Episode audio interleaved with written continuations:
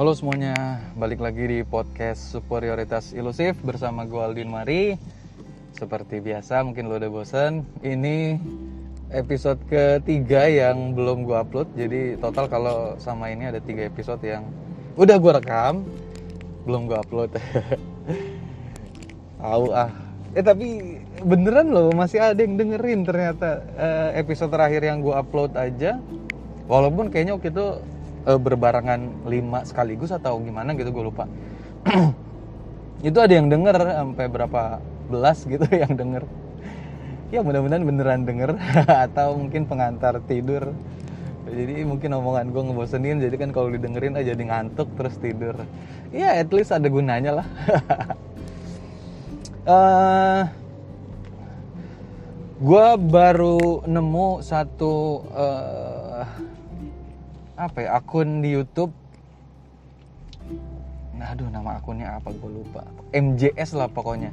Gue tahunya tuh dari dari wawancara di mojok.co uh, waktu itu bintang tamunya orang ini. Namanya Dr. Fahrudin Faiz. Uh, beliau dosen di filsafat UGM uh, ternyata beliau punya acara mungkin ya awalnya mungkin kayak ngaji biasa tapi akhirnya direkam dan di upload di YouTube di Spotify juga ada kalau nggak salah. Nama ininya pokoknya ngaji filsafat. Jadi gue uh, seperti balik lagi ke zaman SMA di mana gue so tahu mungkin waktu itu kayaknya terinspirasi sih dari salah satu kakak kelas gue yang menurut gue uh, dia uh, cerdas, pintar begitu. Dan waktu itu kita tergabung di salah satu organisasi IT Club namanya. Ya, ya, ya pokoknya ngebahas tentang IT lah gitu. Dan salah satu oh, mungkin flashback dulu. Salah satu uh, motivasi gua ikut uh, IT Club itu adalah supaya gua ngerti IT gitu. Karena memang gue sangat terbelakang tuh kalau di di dunia yang kaitannya sama IT lah gitu. Sedangkan orang-orang yang tergabung di klub tersebut ternyata bukan mau cari ilmu lebih banyak tapi lebih ke mungkin mengembangkan diri dengan modal yang mereka udah punya. Jadi at least mereka sudah ngerti IT kemudian pengen explore lebih jauh gitu. Nah kalau gue enggak memang karena gue nggak ngerti aja. Terus waktu itu kita ada beberapa divisi. Ada troubleshooting kemudian ada uh, software kalau nggak salah. Kemudian ada robotik dan sinematografi. Nah waktu itu gue mikirnya kayak karena gue nggak ngerti IT lah ya terus kayaknya kalau yang lainnya IT banget terus akhirnya udah gue masuk ke divisi sinematografi. Belajar belajar belajar belajar belajar. Tiba-tiba pada akhirnya gue jadi ketua di organisasi tersebut. Dan mungkin di situ adalah apa ya pintu atau gerbang gue mempunyai uh, apa ya mempunyai modal untuk mau berorganisasi. Dan itu sangat terpakai ketika gue masuk ke dunia kuliah makanya gue di kuliah juga gue ikut organisasi dan dasarnya pasti dari situ. Nah balik lagi salah satu teman gue ini um, uh, unik gitu gue inget banget uh, salah satu pemikirannya adalah ketika itu um, apa waktu itu kayaknya tahun 2000 berapa ya? 2008 eh enggak enggak 2007 ke bawah deh kalau nggak salah. Waktu itu ya uh, masih lagi rame-ramenya lagi hot dan trending mengenai perang di Gaza begitu. Ya pokoknya Gaza diserang sama Israel dan sebagainya dan sebagainya. Terus uh, dia punya sempat terpikir hasil perenungannya mungkin atau gue nggak tahu pikiran iseng dan sebagainya. Dia bilang di uh, hari ini lu lihat kan di beberapa media begitu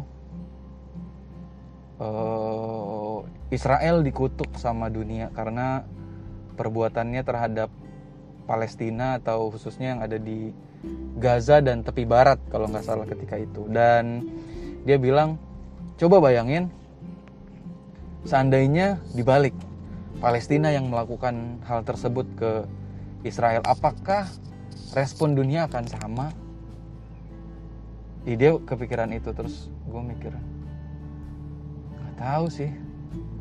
Tapi akhirnya gue ngejawabnya waktu itu kalau nggak salah oh itu dia mar. Makanya eh, agama tidak memperbolehkan kita berandai-andai. Karena itu jalur masuk ke setan. Waktu itu jawaban gue kurang lebih kayak gitu. Tapi intinya ini orang adalah yang sangat apa ya eh, antusias terhadap hal-hal yang berbau filsafat begitu.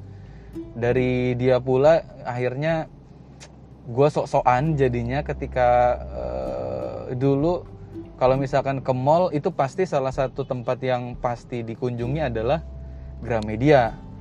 Tapi gue nggak beli. Jadi eh, langsung ke Gramedia langsung nyari ke area-area buku filsafat begitu terus akhirnya gue baca-baca aja di situ ya udah e, dari situ nah teman gue ini nah, waktu itu di filsafat UI atau mana gitu salah satu universitas yang dia tuju tapi akhirnya dia nggak diterima dan dia diterimanya di teknik pertanian kalau nggak salah di Unpad. Tapi masih masih unik sih menurut gue pemikirannya dan mungkin juga salah satu orang yang cukup menyenangkan kalau diajak ngobrol menurut gue uh, balik lagi ke apa namanya tadi ngaji filsafat. Uh, akhirnya ya gue beberapa hari belakangan ini cukup uh, mengikuti pokoknya ngedengerin aja apa bahasannya begitu. Jadi uh, Pak Dr. Fahrudin Faiz ini backgroundnya dia pesantren lah. Orang NU gitu. Backgroundnya anak pesantren banget. Kemudian dia kuliah di filsafat. Walaupun mungkin secara uh, historis dia milih filsafat karena sebenarnya dia nggak mau kuliah. Terus waktu itu ceritanya dia kalau kayak sekarang mungkin kayak SNMPTN undangan gitu. Jadi kayak dia boleh masuk tanpa tes begitu. Dan akhirnya dia boleh milih juga um, uh, jurusannya tapi ketika itu dia nanya sama orang yang ngurusin pendaftaran kira-kira di sini pe, apa namanya jurusan yang paling tidak diminati apa?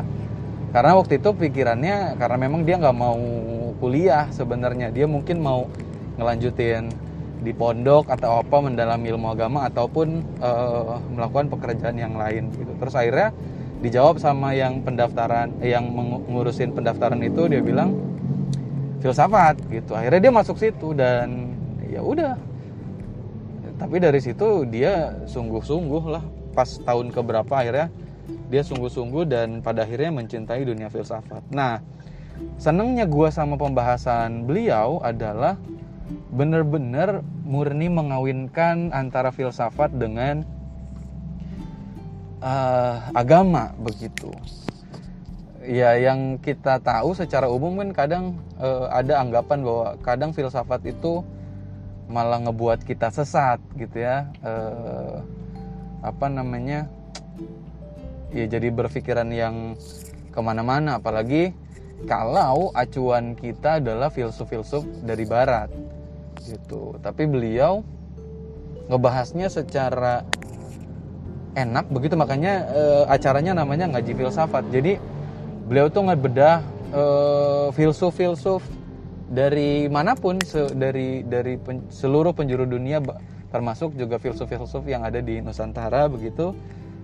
Uh, jadi kayak ngebedah apa sih buah pikiran dari masing-masing filsuf ini kemudian mencoba mencari hikmahnya dari apa yang uh, dari hasil pemikiran filsuf-filsuf tersebut kemudian di hubungkan dengan nilai-nilai yang ada di agama khususnya agama Islam gitu. Ya karena memang backgroundnya itu tadi acaranya itu ngaji dan kalau nggak salah acara itu dilakukan di masjid di Jogja kayaknya. Di, di dekat UGM kalau nggak salah ya. Kalau apa kalau gue nggak salah dengar di acara tersebut maksudnya di di audio. Karena walaupun di YouTube uh, gambarnya tuh kayak slide slide aja gitu gitu. Uh, dari situ pula ternyata gue baru tahu uh, sejarah hidupnya Abu Nawas atau sebenarnya namanya Abu Nuwas. Tapi di orang Indonesia lebih nah, bahkan Abu Nuwas tersendiri itu adalah nama julukan. Nama aslinya siapa gitu gue lupa. Tapi Abu Nuwas itu artinya Nuwas itu yang rambutnya ikal kalau nggak salah ya gitulah pokoknya ya orang Indonesia taunya Abu Nawas. Mungkin sebagian besar dari kita yang tahu Abu Nawas ya syair yang paling terkenal adalah al iktiraf itu yang ilahilas tulil firdausi ahla gitu ya. Tapi ternyata Abu Nuwas ini uh, mempunyai sejarah yang cukup hitam, cukup kelam, walaupun di akhir hayatnya dia bertaubat. Nah, jadi uh, syair-syair atau puisi-puisi itu banyak uh, apa namanya sesuai dengan kondisi dia pada saat itu. Jadi ada ada syair yang tercipta pada masa dia masih hidup di dalam dunia hitam. Jadi Abu Nuwas ini atau Abu Nawas ini orang yang ngerti agama secara ilmunya, tapi e, secara historisnya, sejarahnya dia tuh gemar minum, gemar perempuan, pokoknya gemar kehidupan malam lah. Dan pada masa itu ya Abu Nuwas ini adalah orang yang uh, kadang menjadikan dalil itu justifikasi terhadap perbuatan dia gitu. Misalkan contohnya uh, karena dia gemar minum, apa namanya? Dia pernah bilang bahwa itu loh, ayo mendingan kita minum-minum aja daripada sholat gitu. Karena di Al-Quran nggak ada uh, apa namanya uh, ayat yang menjelaskan celakalah orang-orang yang minum khomer gitu. Malah ada yang malah ada ayat yang uh, berbunyi celakalah bagi orang-orang yang sholat begitu. Padahal konteksnya nggak seperti itu. Nah itu maksudnya si Pak Fahrudin Faiz ini menerangkan bahwa itulah jadinya kalau misalkan orang yang menjadikan dalil itu sebagai justifikasi perbuatan buruknya dan waktu itu memang pada fase tersebut ketika Abu Nuwas memang belum kepada fase taubatnya. Begitu. Jadi ya padahal celakalah bagi orang-orang sholat ya orang-orang yang sudah sholat tapi lalai. Itu. Ya pokoknya gue baru tahu ada sejarah kelam tersebut begitu eh, cerita-cerita tentang Abu Nawas pantesan uh, apa namanya dulu almarhum bokap tuh bilang bahwa pokoknya baca aja cerita-cerita tentang Abu Nawas karena Abu Nawas ini cerdik, cerdas begitu. Kalau bahkan kalau seluruh ceritanya kayaknya dia selalu menang aja gitu untuk debat lawan siapa pun bahkan sama raja sekalipun. Karena Abu Nawas ini uh, hidup ketika zaman Raja Harun al Rashid gitu. Uh, kemudian ya pokoknya fase hidupnya begitu. Kemudian baru pas taubat ya itulah syair-syair yang indah-indah yang mungkin lebih populer hari ini yang kita kenal. Salah satunya al-i'tiraf itu yang memang itu dahsyat banget sih. Kalau al-i'tiraf itu. Uh, kemudian ya pokoknya gue lagi ngikutin banget eh, channel tersebut.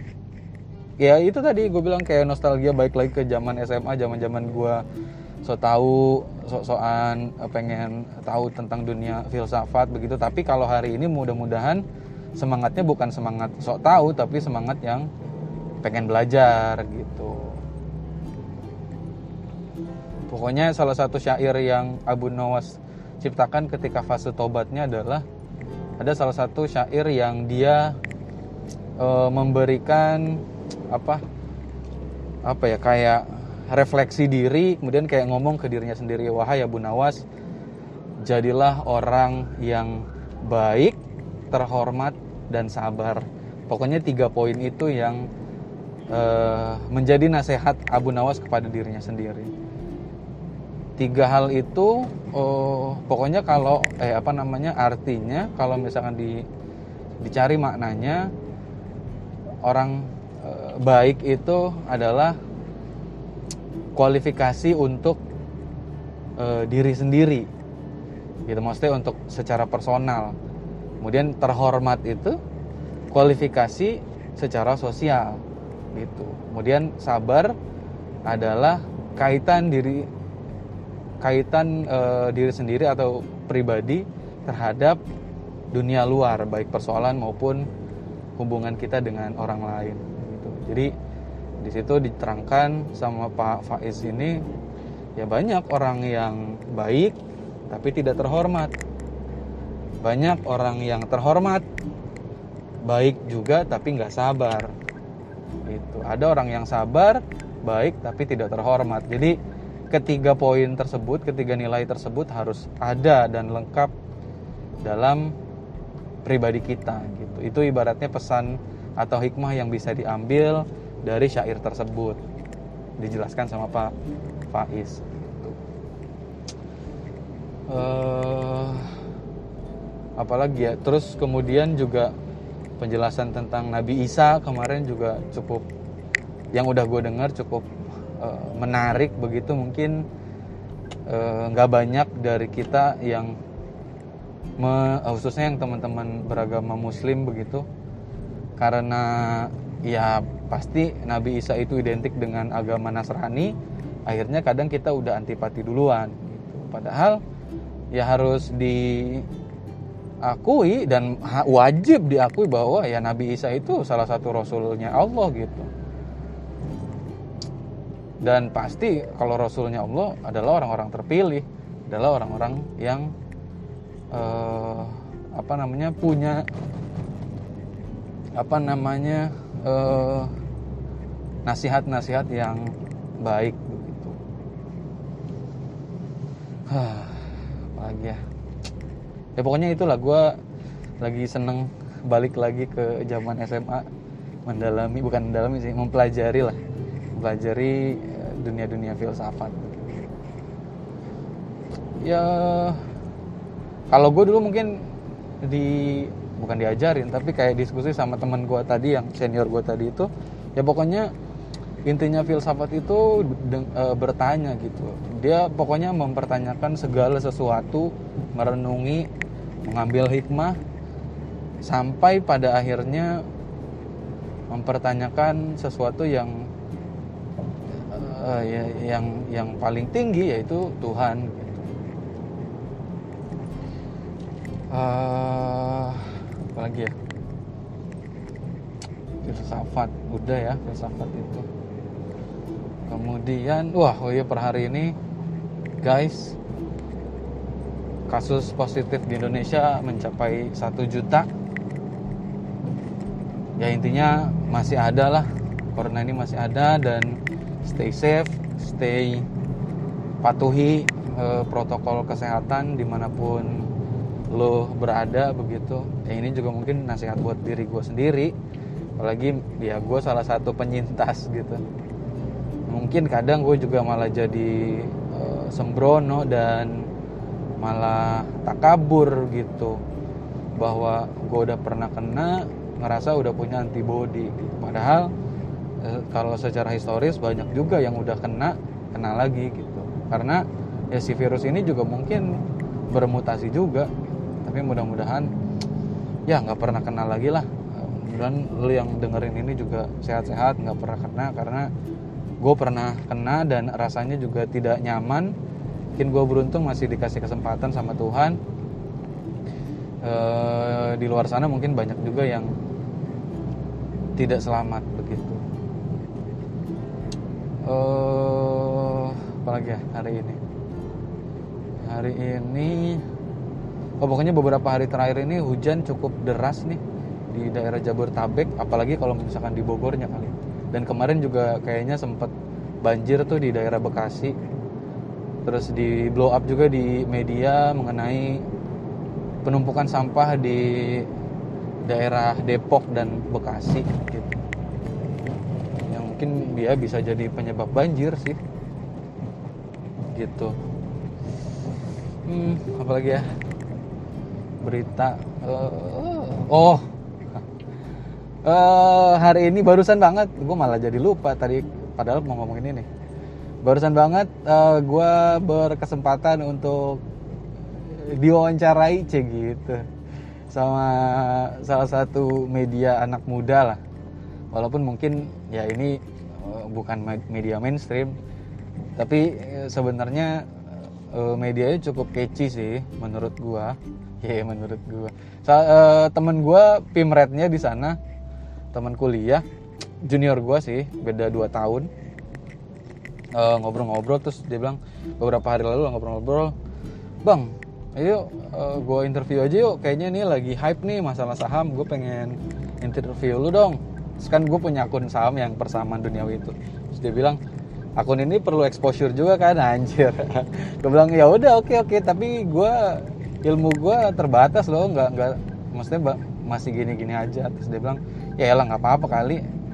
Ngobrol-ngobrol aja. Ya udah akhirnya tadi tuh terlaksana. Ngobrolnya via Google Meeting. Uh, gue diwawancarain sama tiga orang. Temen gue ada di situ terus ada ada konten kreatornya sama ada orang anak magangnya untuk ngebantu. Gitu. Gue sih nggak nggak nggak cukup nggak terlalu puas sama hasil wawancaranya karena mungkin ya gue nya nggak ada persiapan juga. Jadi yang gue omongin sih seadanya sih tadi. Karena gue bener-bener balik gawe tadi terus masih di kantor.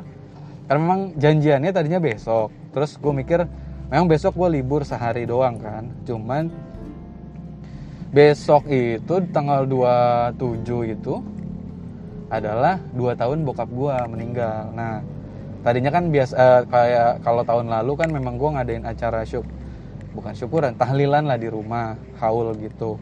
Cuman kalau karena kondisi hari ini tidak memungkinkan untuk uh, uh, mengadakan kumpul-kumpul gitu, jadi kemungkinan nyokap gue masak, habis itu bagi-bagi ke tetangga atau ke saudara, kemudian ada sedekah gitu untuk warga-warga di kampung bokap gitu kayak buat janda dan sebagainya. Ya mudah-mudahan pahalanya sampailah ke almarhum bokap. Amin.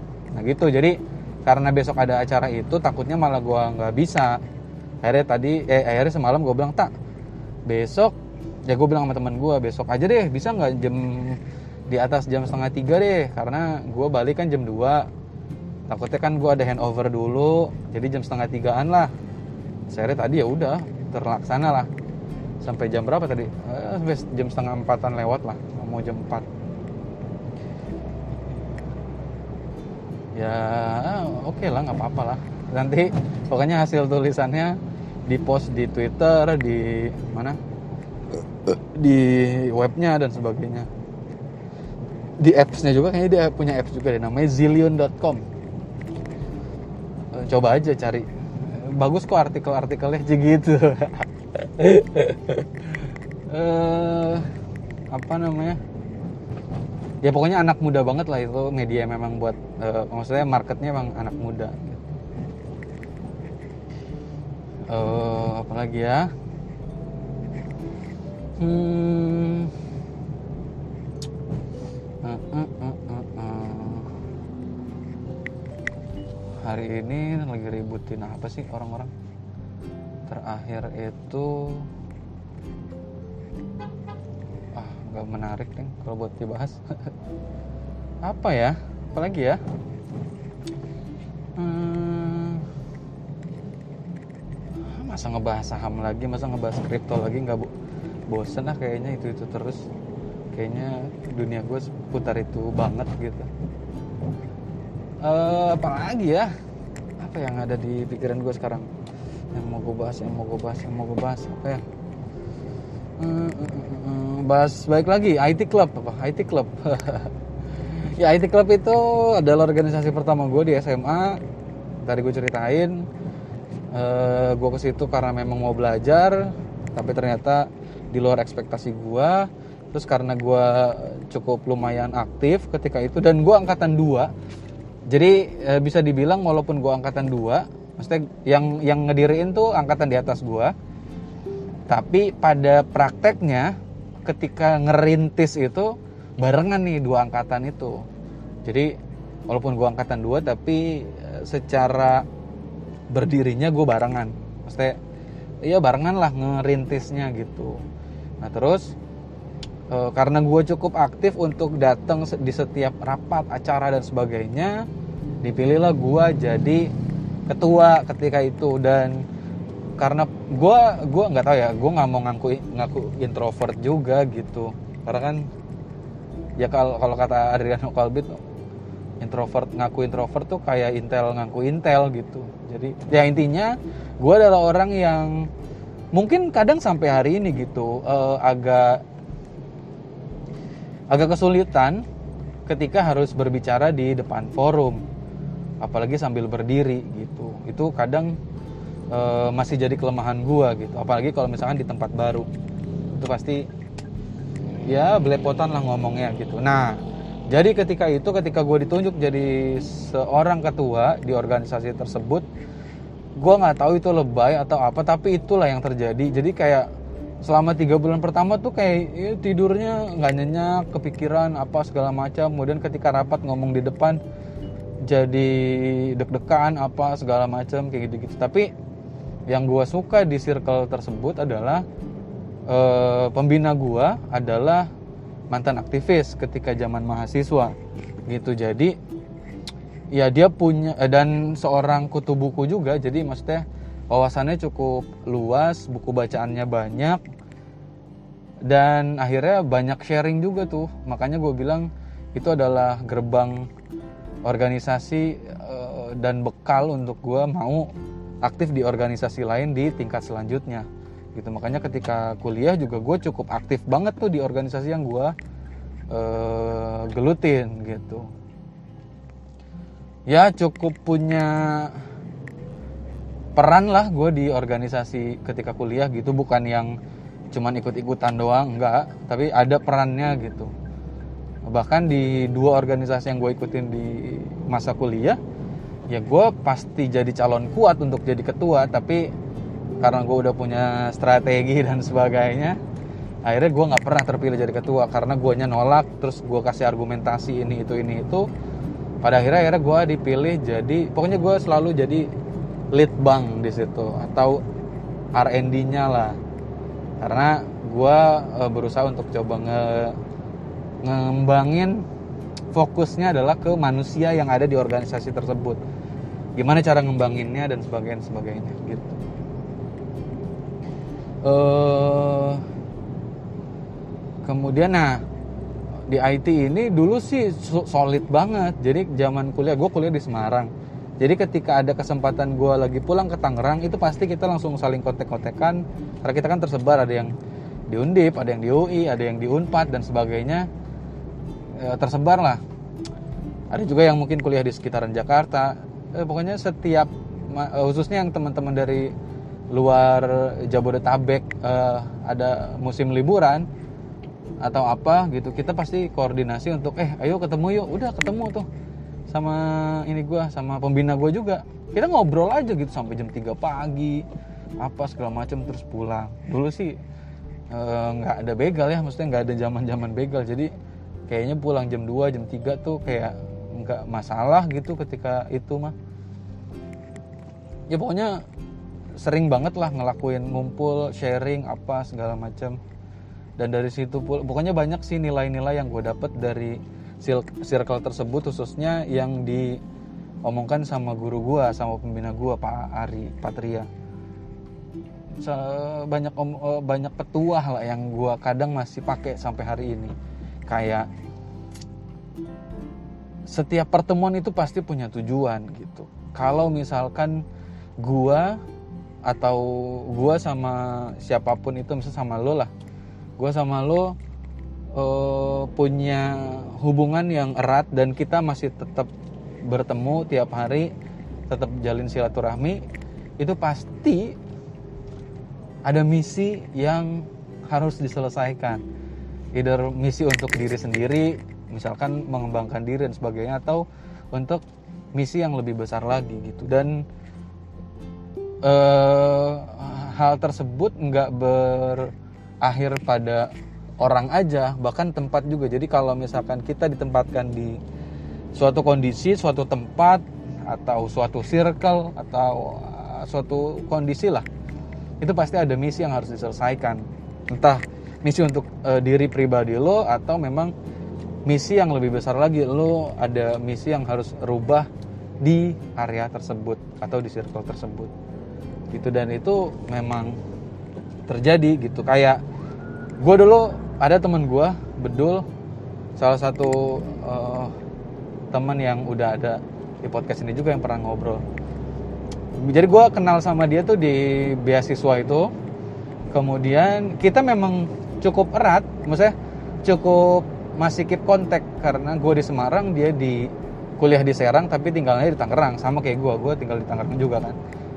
Uh, tapi kita sering masih sering kontak-kontakan sama teman-teman yang lain. Ada total 6 orang 5 sampai 6 orang atau 7 waktu itu. Jadi kita sering kontak-kontakan terus abis itu ya pokoknya dari dari 488 anggota gitu bahkan yang dari luar Jakarta pun akhirnya banyak juga yang berada di Jakarta karena mengadu nasib kerja di Jakarta gitu. Tapi kita nggak pernah ngumpul tuh sama yang lain itu. Tapi sama yang enam orang ini gue masih ngumpul. Termasuk sama si bedul ini. Nah uh, ternyata misinya adalah akhirnya gue satu kerjaan sama bedul. Jadi gue udah kerja duluan di kementerian waktu itu terus butuh orang yang bisa uh, desain grafis kemudian video dan sebagainya. Akhirnya gue tawarkan ke dia terus sama bos gue diterima. Akhirnya kita kerja tuh satu kantor. Ya beberapa bulan lah mungkin. Nggak kayaknya nggak nyampe setahun. Gue kira misinya itu. Ternyata enggak misinya adalah mempertemukan Bedul dengan istrinya yang hari ini Eva atau Epong. Nah Epong ini sebenarnya junior gue di SMA dan satu klub juga di IT klub itu. Beda 2 tahun sama gue tapi kita tuh bahkan nggak akrab waktu zaman SMA gue tuh ngobrol sama Eva itu sama Epong itu bahkan setelah lulus. Ngobrol terus sharing-sharing kerja di mana dan sebagainya. Terus dia bilang dia lagi di kementerian dan butuh orang ini itu ini tuh akhirnya gue tertarik dan apply dan gue diterima di sana. Jadi misi Epong ke gue adalah ya gue kerja di sana. Misi gue ke Epong mempertemukan dengan Bedul. Ada misi yang harus diselesaikan. Dan setelah itu ya mungkin gue masih masih jalin silaturahmi sama Bedul sama Epong. Tapi nggak seintens dulu pastinya karena ya kita sekarang udah beda tempat kerja terus juga mereka juga udah udah berkeluarga udah punya anak. Nggak seintens dulu tapi ya mungkin misi gue udah selesai sama dia. Tapi tetap uh, jalin silaturahmi alhamdulillah masih lah masih baik gitu. Walaupun udah nggak rutin nggak udah nggak intens gitu.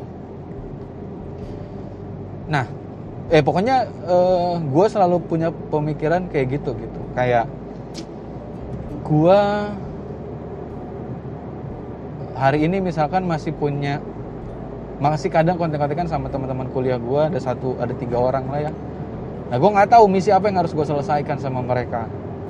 Yang pasti dua dari temen gue dua dari tiga teman gue itu belum nikah. Ya, gue nggak tahu. Ya, nggak tahu nanti ya, kehidupan akan membawa uh, kami ke mana gitu. Tapi yang pasti kayaknya misi gue belum selesai sama mereka.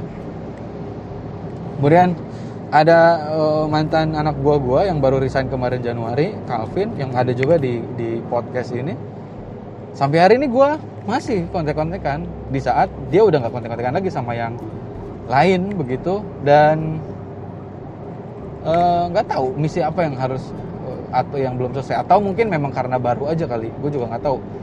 Uh, komunikasi intens ini masih akan bertahan berapa lama gitu. Ya yang pasti hari ini gue masih komunikasi sama dia karena kita sama-sama trading bitcoin dan uh, dialah yang mengenalkan gue ke dunia Bitcoin gitu. Tapi nggak tahu apakah ada misi yang lebih besar. Misal gue bikin perusahaan sama dia atau nggak tahu. Pokoknya ya nggak tahu lah masih ada misi yang belum selesai apa enggak sama dia. Kemudian kalau gue ingat-ingat lagi ada nggak ya?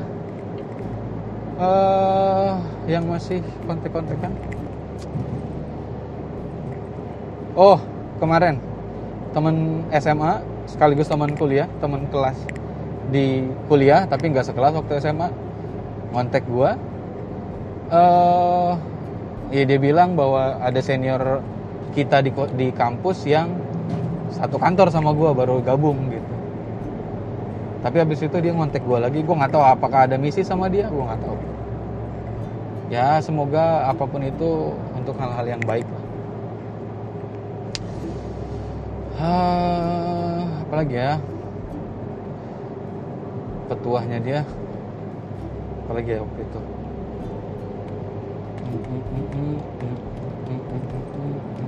Oh dia uh, eh, gue ingat banget. Omongan dia kita itu beragama itu kayak di sekolahan. Ya gak sih? Eh gue lupa deh. Iya. Kayak di ya gak sih oh iya pokoknya gitu lah kayak di sekolahan kayak kita lagi dikasih tugas sama guru uh, ya personifikasinya guru itu Tuhannya gitu. Ketika misalkan teman kita melakukan kesalahan atau salah begitu dalam mengerjakan tugas atau soal gitu, kita jelek-jelekin dia, maksudnya nyalahin ah bego lo apa segala macam, itu nggak ada gunanya. Gak ada gunanya, gak ada ngaruhnya sama nilai dia, gak ada ngaruhnya sama nilai kita. Bahkan mungkin ada ngaruhnya sama nilai kita. Misal kita benar. Misal nih kita benar. Tapi gara-gara tindakan kita ngejelek-jelekin teman kita tadi terus guru kita tahu dan dalam hal ini guru kita Tuhan yang maha tahu gitu. Secara penilaian apa ya motorik eh, kalau waktu zaman sekolah. Pokoknya apa penilaian yang di luar inilah di luar nilai gitu. Kayak sikap dan sebagainya itu pasti jadi mempengaruhi jadi jelek gitu ya nilainya. Dan itu pasti akan mempengaruhi nilai secara keseluruhan. Ya itu tadi makanya ketika misalkan kita punya keyakinan apa terus orang lain punya keyakinan apa mungkin menurut referensi kita orang lain itu eh, belum tentu salah tapi yang pasti tidak sesuai sama referensi kita pertama belum tentu salah kedua yang pasti memang kebetulan beda sama referensi yang kita pelajari, yang kita yakini gitu. Dan nggak ada gunanya ketika kita nyalah-nyalahin si orang tadi atau si rekan kita yang punya referensi keyakinan yang lain gitu. Jadi fokus aja sama apa yang ditugaskan sama Tuhan ke kita fokus jalaninnya toh ketika fokus pun fokus pun kita belum tentu benar 100% ini udah ngejelek-jelekin atau nyalah-nyalahin orang di luar kita. Itu sih yang diajarkan sama uh, beliau sama Pak Ari gitu. Dan itu ya kadang jadi pengingat sih walaupun mungkin kadang juga gue bisa lupa sama hal tersebut. Tapi kalau lagi kayak gini nih kan gue jadi jadi ingat lagi gitu. Mudah-mudahan jadi guidance lagi nih untuk untuk fokus aja gitu sama tugas yang diberikan sama Tuhan ke gue gitu. Ya tugasnya manusia apa sih? Ibadah kan? Ya udah ibadah ya fokus aja. Ibadah itu ada ada ibadah habluminanas habluminallah gitu. Lu mungkin habluminallahnya menurut lo udah bagus gitu. Ngelakuin segala perintahnya sholat zakat puasa bahkan naik haji dan sebagainya. Tapi kalau habluminanasnya jelek gimana bahkan ada kan dosa yang nggak diampunin kalau misalkan orang yang kita sakitin nggak memaafkan kita gitu. Makanya ya udah fokus aja sama ibadah. Ya ibadahnya tadi ada ibadah vertikal ada ibadah horizontal. Makanya mungkin kalau di Kristiani atau di Kristen itu ada salib. Mungkin salah satu simbolnya itu ada ibadah horizontal ada ibadah vertikal.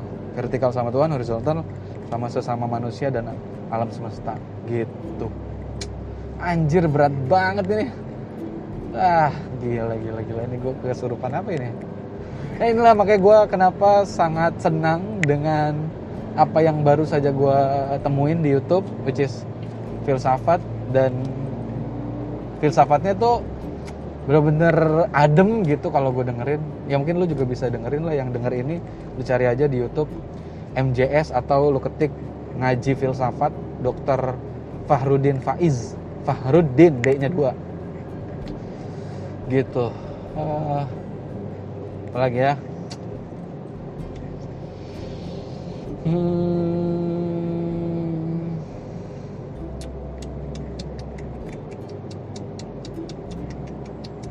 oh.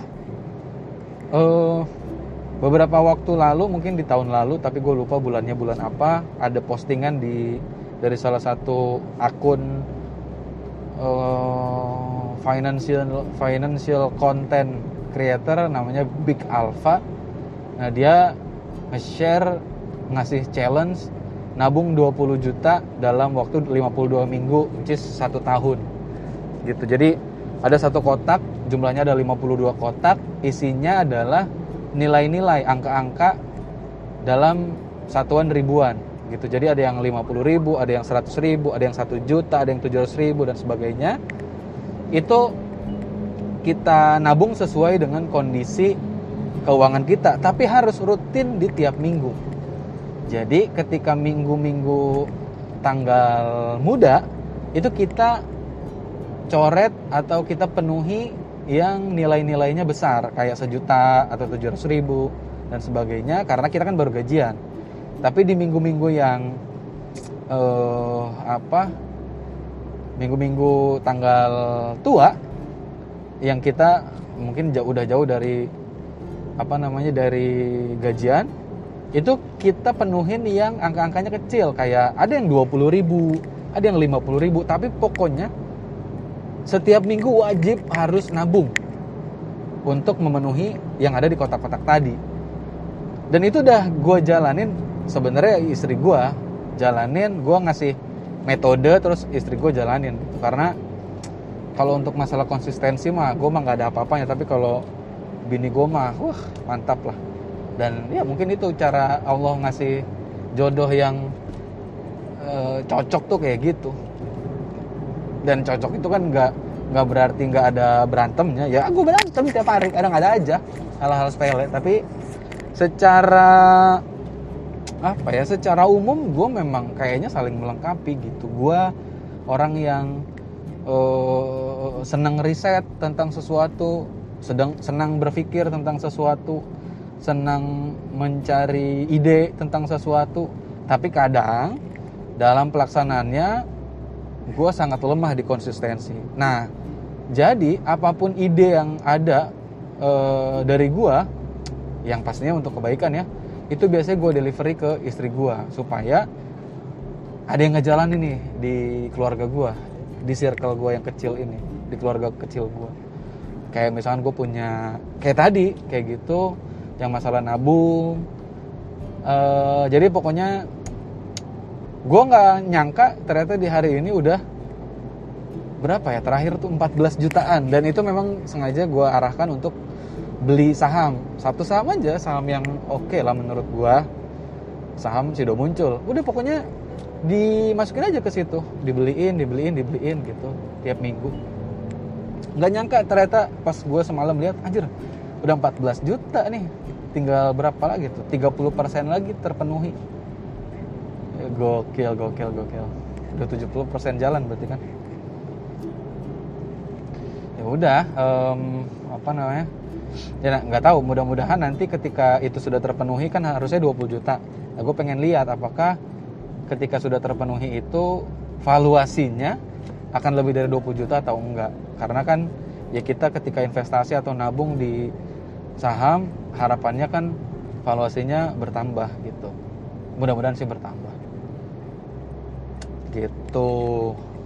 Itu satu. Kedua gue juga ngasih uh, eh, gue ngasih arahan lah atau nyuruh lah nyuruh bini gue untuk nggak cuma nabung di saham tapi di emas juga. Dan wow gue juga amazed gitu bahwa ah, udah gede juga tabungan emasnya. Gila gokil banget. Ya alhamdulillah alhamdulillah. Dan itu uh, berangkat dari simple financial planning yang gue juga share ke dia gitu. Walaupun mungkin hari ini secara bobot persentase yang ada di uh, financial plan itu belum ideal. Kayak uh, apa ya cicilannya mungkin masih lebih dari 30% dan sebagainya lah kayak gitu. Tapi alhamdulillahnya gue sama istri gue masih bisa menyisihkan uh, untuk tabungan atau investasi. Karena gue dan bini gue dalam waktu dekat ini mimpi kita dalam waktu dekat ini adalah gue pengen beli rumah secara cash gitu. Bahkan memang mimpi gue gue nggak mau ngutang gitu. Ya selalu tahu mungkin hutang yang hari ini gue harus bayar cicilan bayar itu bukan sepenuhnya atau 100% eh, keinginan gue gitu. Tapi ya udahlah itu memang jadi tanggung jawab gue juga. Sebagai anak laki-laki sebagai anak pertama gitu. Jadi ya udah itu ya tanggung jawab gua. Pokoknya ke depan apa pun yang gue pengen sama istri gue pengen kita berusaha untuk ngumpulin dulu. Kita beli cash. Karena pasti akan jauh lebih murah secara nilainya kalau misalnya kita beli cash. Kuncinya sabar ya kan? Sabar konsisten gitu kan nabung di mana di mana udah gitu aja yang gue jalanin. Bini gue juga punya mimpi atau keinginan dia sekarang kan bela, bela, uh, jualan jualan baju dan sebagainya. Alhamdulillah ya masih alhamdulillah untung lah maksudnya profit gitu. Dan hasil profitnya itu dia tabungin. Dan dia bermimpi bukan bermimpi tujuh cita-citanya adalah pengen bisa beli mobil secara cash dari hasil dia jualan baju. Gokil. Dan gue sih dukung-dukung aja dan mengamini mendoakan mudah-mudahan itu tercapai. Gitu. Hmm, apalagi ya? Wah ini tumben nih gue balik jam segini setengah enam sore tapi nggak terlalu macet. Alhamdulillah. Mantap apalagi ya udah kali itu dulu ya. Ini udah ah, lumayan tuh 47 menit. Oke okay, thank you yang udah dengerin. Sekali lagi tetap gue nggak bosan-bosan. Lo yang dengerin sampai habis khususnya sampai ke menit ini please dong kasih tahu gue lo dengerin siapa pun lo gitu. Kontak gue di media sosial gue di mana pun itu. Kalau perlu ada ide eh, bahas ini dong. Atau misalkan eh ngobrol sama gue dong. Ayo kita ngobrol. Gue telepon. Gue yang nelpon. Gue yang nelpon. Asalkan nomor lu simpati atau telkomsel. E, gitu. Ya thank you banget yang udah dengerin. Sehat-sehat selalu buat semua yang dengerin. Bye bye